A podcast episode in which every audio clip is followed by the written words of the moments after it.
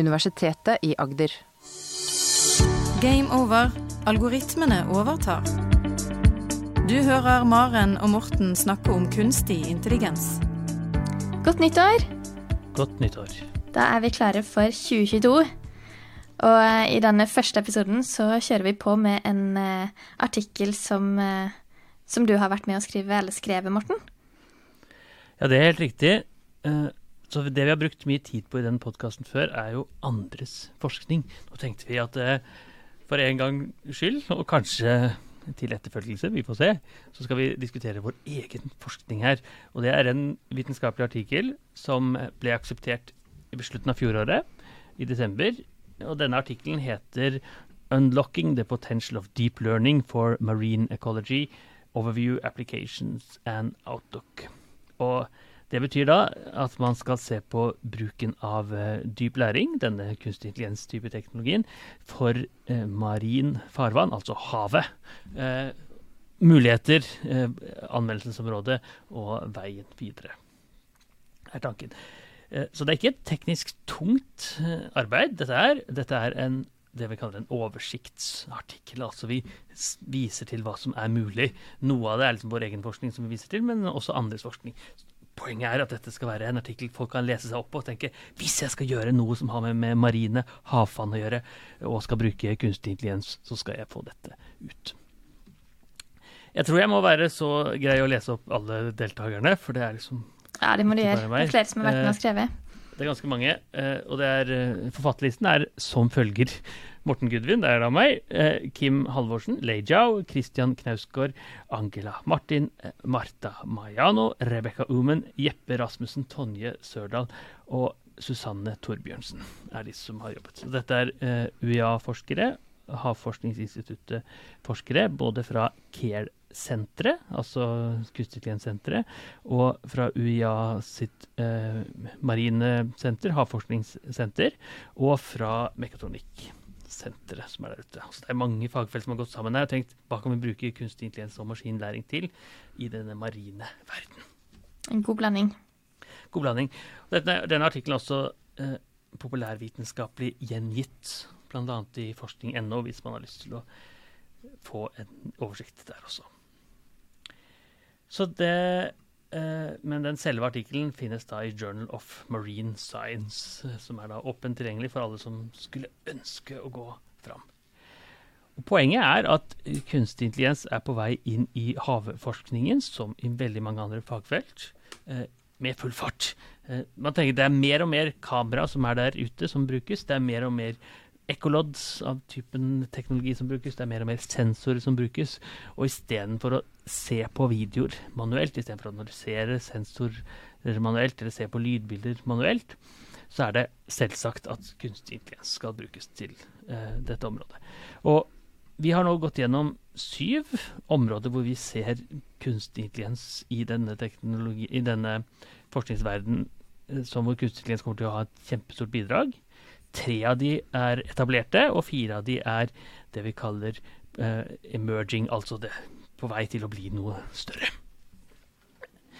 Og altså, vi har da uh, syv områder hvor vi skal gå gjennom forskjellig uh, bruk av kunstig intelligens, og mye overlapp her, og, men også mye som vi ser at det er et stort potensial til å gå videre.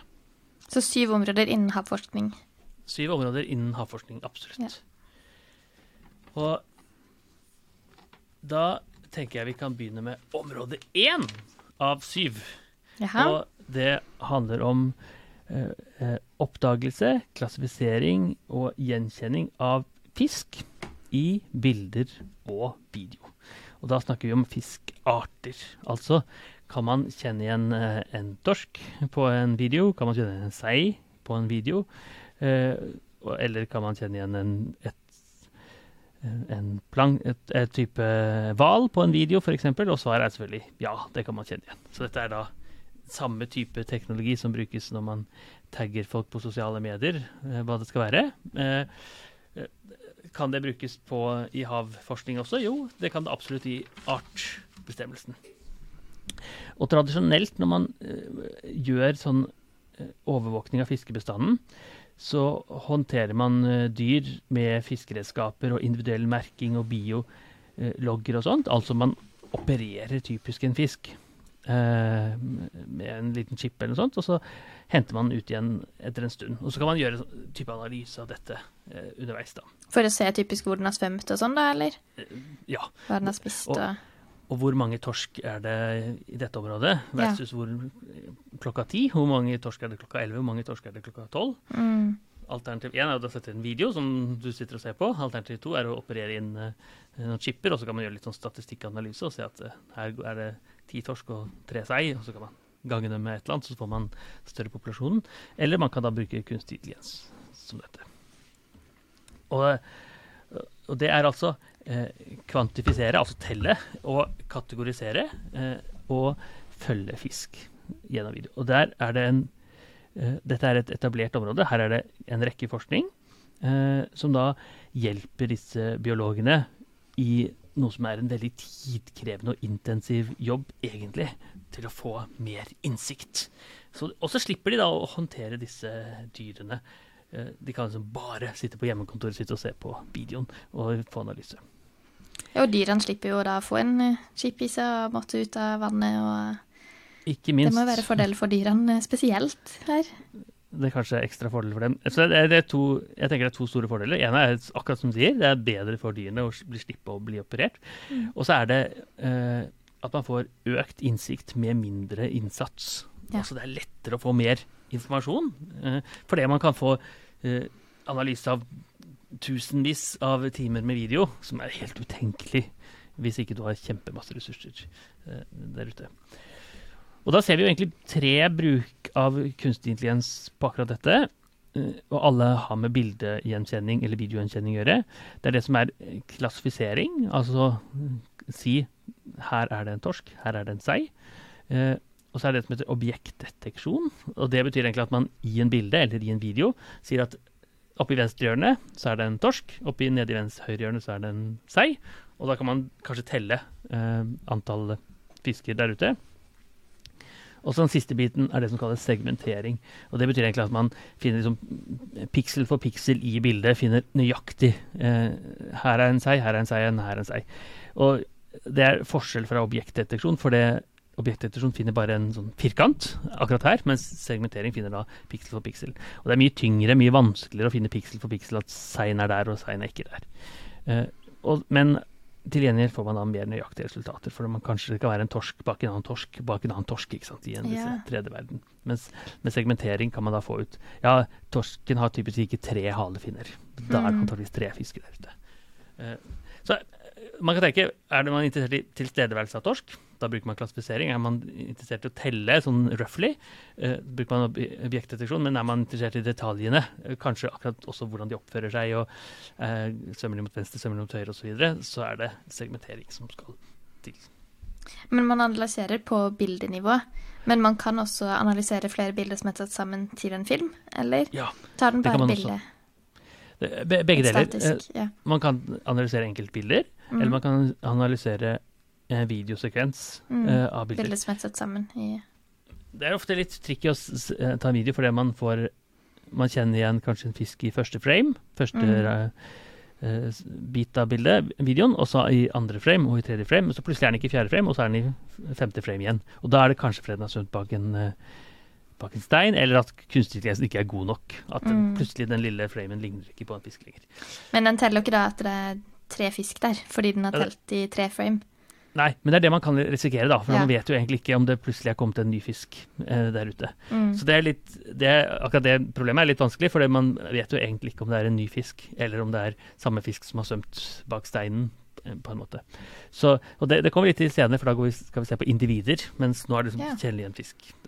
Eh, men eh, video er absolutt en, en, bit av det. Så en av de utfordringene her er at uh, veldig mange av de tre store nettverkene som er brukt til bildegjenkjenning, de er forhåndstrent på eksisterende data, ja, men det er veldig lite biologidata i det. Det er typisk en hund og en hest og litt sånt, men eh, best biler og, og fly og båter osv. Og, så og da er ikke overlappet mellom det biologiske man ser på i en torsk, så stor.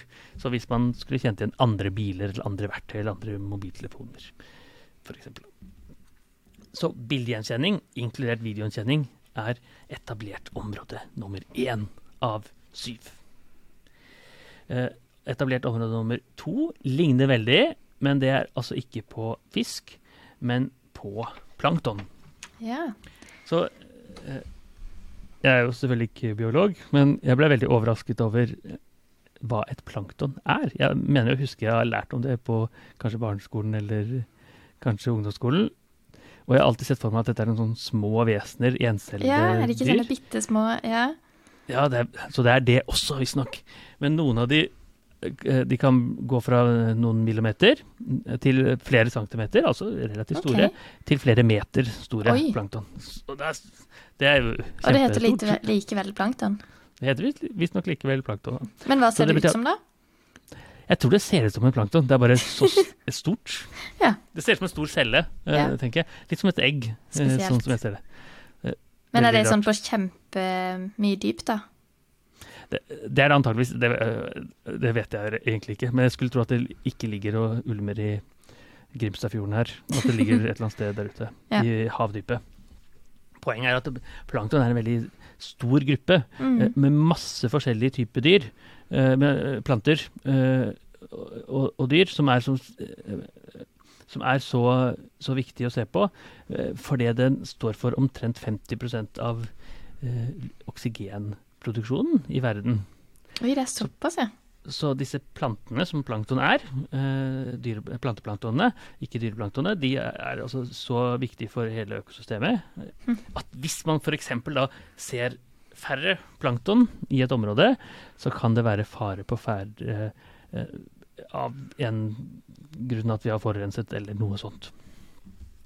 Så biologene bruker visstnok, har de fortalt meg, veldig mye tid på telle antall plankton forskjellige steder. Det er vel sikkert ikke så vanskelig å telle disse meterstore planktonene, mens planteplankton som er på millimeternivå, for å få en oversikt over det, er det færre eller er det, er det flere nå. Og, begge deler kan, kan være skummelt, hvis det er for mange eller for få. Eh, Og det kan bety voldsomt mye for det marine liv, men også for oss mennesker.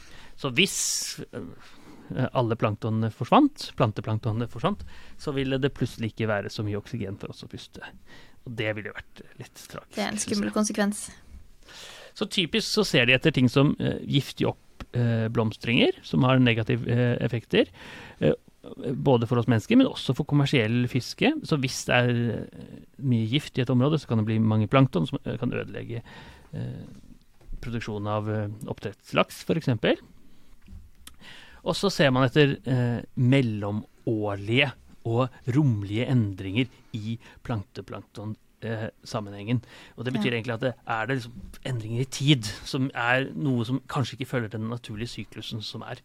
Eh, og da er det sånn at når man overvåker dette med eh, kameraer, så blir det stadig økende volum av bilder og videoer. Eh, og når mennesker sitter og analyserer dette, så er det for det første gørrkjedelig, skulle jeg tro. Mm. Og så klarer de ikke å få en veldig stor uh, nøyaktighet. De beste som skal oppdage og klassifisere mengden plankton, får en nøyaktighet på mellom 67 og 83% Altså de sier at klarer å telle riktig, da, med 83% av tilfellene. Sånn omtrentlig. Mens en kunstig intelligens som gjør det samme, har klart å få eh, fra 90 opp til 97 nøyaktighet. Ja, Så ikke bare- Det er veldig, veldig stor forskjell. Ikke bare er det eh, lettere eh, og gir mer innsikt, men det er altså mer nøyaktig å bruke Mm. plankton, eh, kunstig intelligens til å telle og kategorisere disse planktonene. Og så kan man jo da bruke forskere som kan gjøre mye mer fornuftige ting enn å sitte og telle plankton, tenker jeg. Ja, Ikke at det ikke er fornuftig, men, eh, men å bruke tida si på en, eh, på en eh, annen måte, når man kan frigjøre all tid man bruker på telling. så kanskje, kanskje det er andre ting disse biologene kan bruke tiden sin på enn å telle plankton dag ut og dag inn. Helt mm. riktig. Og, og i tillegg man, kan man jo kanskje kvalitetssikre litt. Grann, for Ja. som vi vet, så vet jeg at disse kunstige intelligensene, selv om de er veldig gode, så gjør de ofte banale, rare feil, så de må sjekkes. Eh, men man har jo gått fra, at, og, fra en verden hvor man teller, til en verden hvor man kvalitetssikrer. som er da historien om kunstig intelligens og historien om automatisering mange steder. Man uh, automatiserer ikke jobben helt vekk, men man gir mer innsikt, og man øker uh, muligheten for uh, automatisering. Og så sitter vi mennesker og overvåker, litt som sjefene der ute. Område nummer tre, som er godt etablert, handler om også om arter. Vi har to områder om arter nå fiskearter, planktonarter. Mm. Og den siste handler om eh, lydkategorisering, men Oi. for hvaler. Ja. Så eh, å kjenne igjen eh, en type hval, en type hvithval, en type retthval, en type spermhval eh, gjøres med det som heter bioakustikk. Og det betyr at man egentlig tar lydanalyser og så får man et spektrogram. Kanskje en del av lytterne vet hva spektrogram er. Det, det, er sånn man ser liksom lyden som et bilde. Ligner litt på sånn hjerterytme. Men det er bare lydbildet som det er. da, det type spektrogram. Ja. Uh, og så kan man se på det spektrogrammet, og så kan man si som menneske at jo, dette er en knarrball, eller dette er en spekkhogger, eller dette er en, en blåhval av uh, forskjellige Eller forskjellige hvalartene. Mm. Og da er spørsmålet kan man kjenne igjen med mikrofon disse artene eh, med kunstig intelligens også. Og da er svaret ja, det går veldig fint. Det er eh, noen forskere, bl.a. her på Universitetet i Agder, en som heter eh, Jeppe Rasmussen, som har gjort akkurat dette og klart å få eh, gjenkjenning av hvithval-lyder. Altså kjenner at denne hvallyden er fra en hvithval med 99 nøyaktighet. Oi. En retthval med 90% en eh, spekkhogger med 95 eh, Og altså, da kan man si her er det spekkhoggere, helt sikkert. Mm. Eller i hvert fall nesten, nesten helt sikkert. da. Men hvordan fungerer den teknologien sammenligna med bildeteknologi, da? Ja, dette er faktisk en bildeteknologi, det også. For, det du, for det, siden denne spektrogrammet er et bilde, ja. så kjører du det inn i samme bildealgoritme. Mm. Og så kategoriserer den det som et bilde. For det kunstig intelligensen bryr seg jo ikke om pikslene er bilde av en hval, men det er også bilde av et spektrogram av en lyd som mm. er et hval. Men, men, at det er et spektrogram av en lyd av en hval, spiller ikke så stor rolle. De bare kjenner igjen de mønstrene som typisk er ja. hvalmønstre. Så, så, vi tenker på mønster som en hval, f.eks. At det er litt stort, runding i antene osv., osv. Mens uh, lydanalysen er det samme. Mm. Kanskje er liksom dype lyder for den type vann, litt høyere lyder for den type vann. Og da mm. skal, kan vi som mennesker se det i spektrogrammet, men også kunstig intelligens kan se det også. Men det er faktisk en av de utfordringene der, er egentlig akkurat det du peker på. Og siden man har dette som uh, bruker bildeanalyse på dette, så har man egentlig ikke en oversikt over tiden her. For det, hvis man ser for seg et spektrogram, så går tiden langs x-aksen bortover, og så er det intensiteten oppover. Og, og, da får man egentlig bare ut en kategori.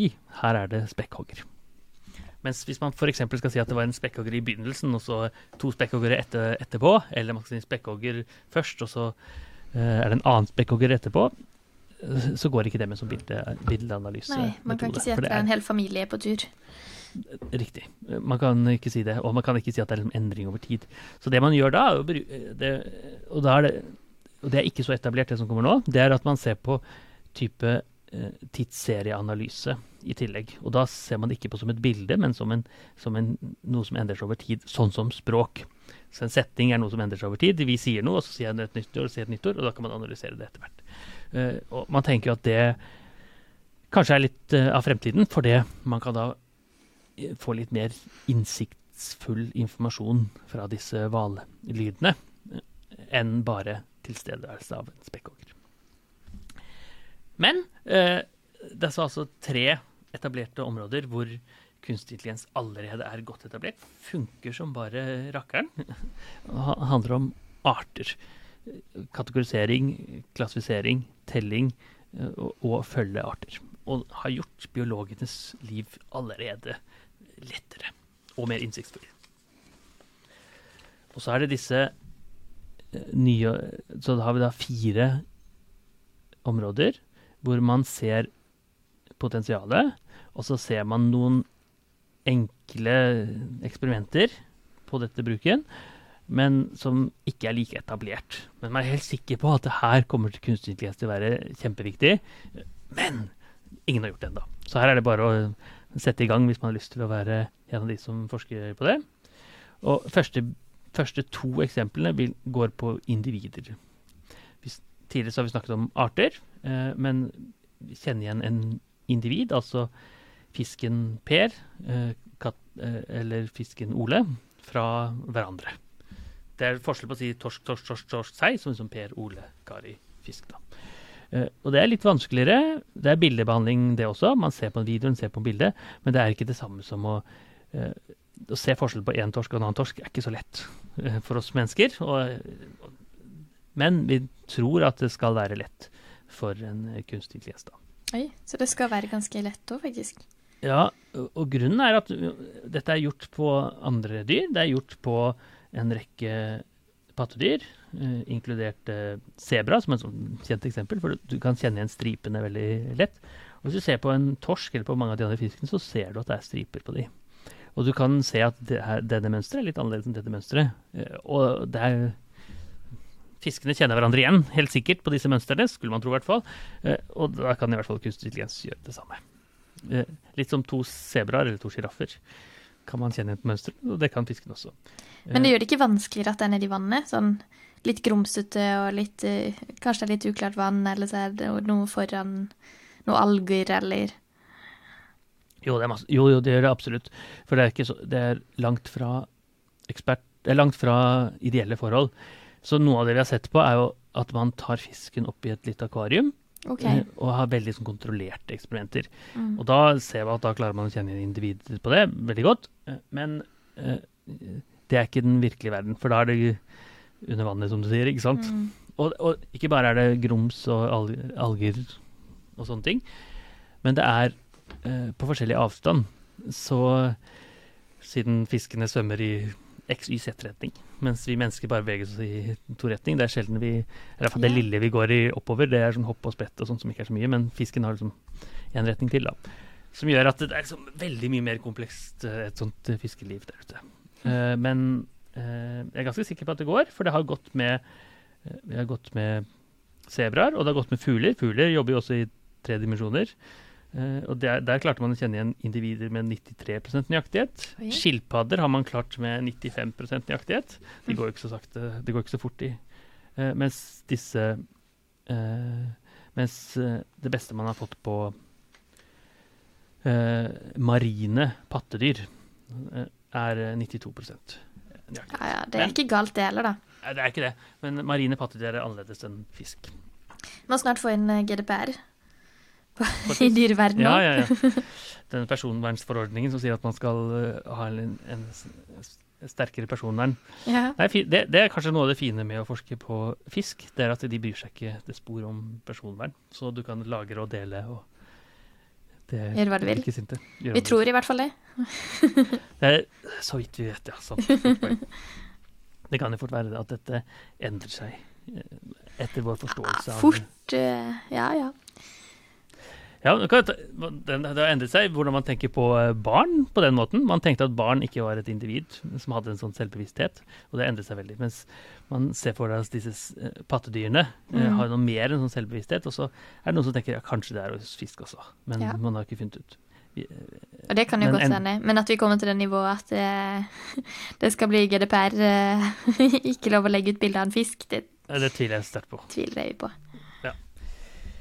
Neste emerging område ja. uh, følger litt det samme sporet som uh, for de etablerte. Dette handler om lydanalyse av individer. Uh, så der vi kan kjenne igjen, som vi sa, enkeltarter, hval, men kjenne igjen individet er vanskeligere. Altså kjenne igjen hvalen Per fra hvalen Ole, eller torsken Per fra torsken Ole, basert på lyd. Fordi vi vet at torsken snakker med hverandre. De trommer på uh, svømmeblæra uh, når de skal kommunisere for paring og sånne type ting. Uh, og så er det sånn at de har ulike vekter, antageligvis. En torsk i det området har, snakker annerledes enn en torsk i det området. Og så sier de biologene til oss at kanskje en av grunnene til at det er færre torsk nå, er at de ikke forstår hverandre. Man klarer ikke å tromme på samme nivå som man, eh, som man, man ønsker, og da klarer ikke de å finne hverandre for paring og, og slike aktiviteter. Men stemmegjenkjenning, individgjenkjenning, eh, er et godt etablert for oss mennesker. Vi snakker til telefonen titt og ofte, i hvert fall gjør jeg det. Og det fungerer ganske greit. Ikke perfekt, men kanskje kan det da også fungere for, eh, for torsken. Og man kan da få disse Det som er en evolusjonær fordel med torsken, altså den trommer til hverandre, på en måte som er individuell, og også gjenkjenne. For da kan vi si jo, her er torsken ute og trommer her også. Så den torsken har kanskje eh, lært den måten å tromme fra, fra sin eh, mamma eller pappa, eller fra sin søsken, noe sånt noe. Og så, som vi mennesker har utviklet dialekt, har torsken kanskje det også. Man er ikke helt sikker, men man tror det, og kunstig intelligens kan hjelpe til å både finne ut det og gjøre en analyse. Veldig interessant. Og at eh, det da er sånn at torsk ikke kan, kanskje ikke klarer å kommunisere med hverandre hvis de blir flytta over store områder, det er jo også veldig interessant. Ja, men, men de ligner jo så på hverandre, ikke sant? Ja. Men eh, det er litt som hvis du skulle tatt en gjeng nordmenn og satt de midt i Kina, så er det ikke sikkert vi hadde klart å snakke med kinesere. Nei. I hvert fall måtte du bruke Google Translate eller Ja. noe sånt. Og det, vil, og det har ikke torsken tilgjengelig, så vidt jeg vet.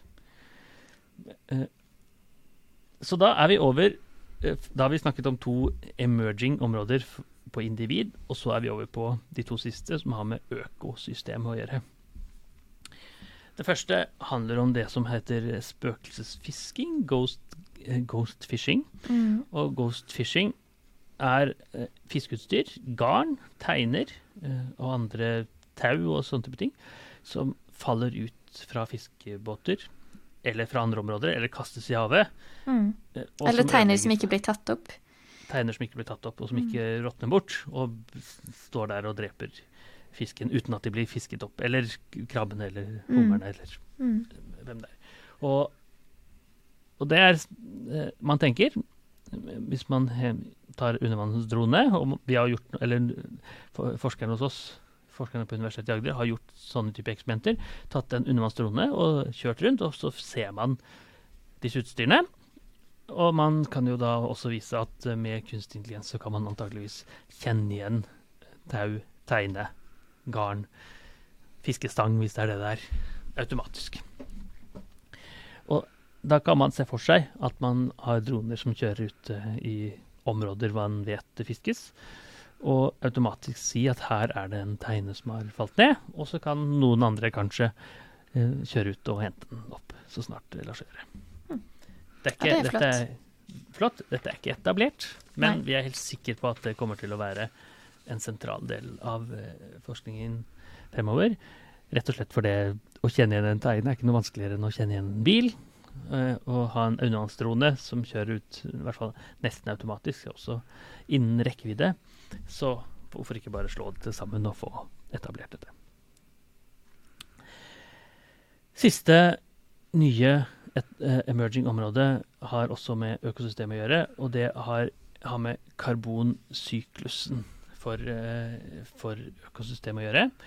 Og der er det jo sånn at man bruker eh, det som kalles multimodal informasjon. Altså man har både eh, video, bilder, sensoranalyser eh, og sikkert en rekke andre ting. Prøver man tar av havet osv. Og så eh, så bruker man statistiske og biologiske metoder for å fortelle at nå er det noe som er i ferd med å skje, noe galt. Surhetsnivået øker, eller noe sånt. Eller det er færre eller flere av en type partikkel som fisken trenger. Eh, det er eh, kanskje det er eh, mer avføring enn det bør være, eller mindre avføring enn det bør være. Sånne type ting. Og tenker man da at hvis man henger på noen sensorer som allerede finnes, som kan måle disse tingene, så kan man kanskje kategorisere havets frisk sunnhet med kunstig fjes. Nå er havet friskt, nå er det litt sykere. Ja.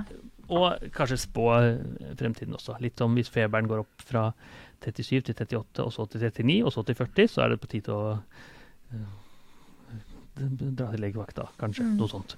Eh, men bare for havet. Og da tenker man både sånn korttidsmessig, kan man gjøre den type analysen. Undersøke, finne ut her er det noe galt. Og så kanskje man kan sette ut sensorer en rekke steder og så måle nesten hele tiden. Litt som værmeldingen. Eh, Mens lang, langtidsmessig så kan man kanskje bruke å finne biologiske eh, biologiske egenskaper som man har og, og ser etter, og kanskje predikere og forutsi eh, hva man skal gjøre. Og slike databaser finnes allerede. Det finnes en åpne databaser hvor man kan laste ned slik informasjon og prøve seg selv.